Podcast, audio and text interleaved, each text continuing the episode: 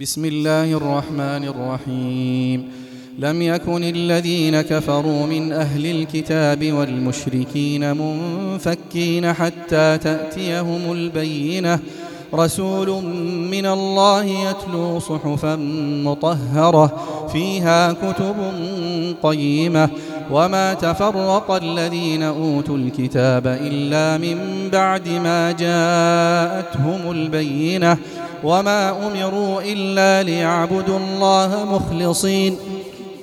وما أمروا إلا ليعبدوا الله مخلصين له الدين حنفاء ويقيموا الصلاة ويؤتوا الزكاة وذلك دين القيمة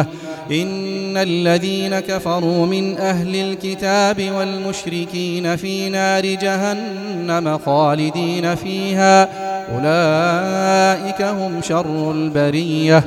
إن الذين آمنوا وعملوا الصالحات أولئك هم خير البرية جزاؤهم عند ربهم جنات عدن تجري من تحتها الأنهار خالدين فيها أبدا رضي الله عنهم ورضوا عنه ذلك لمن خشي ربه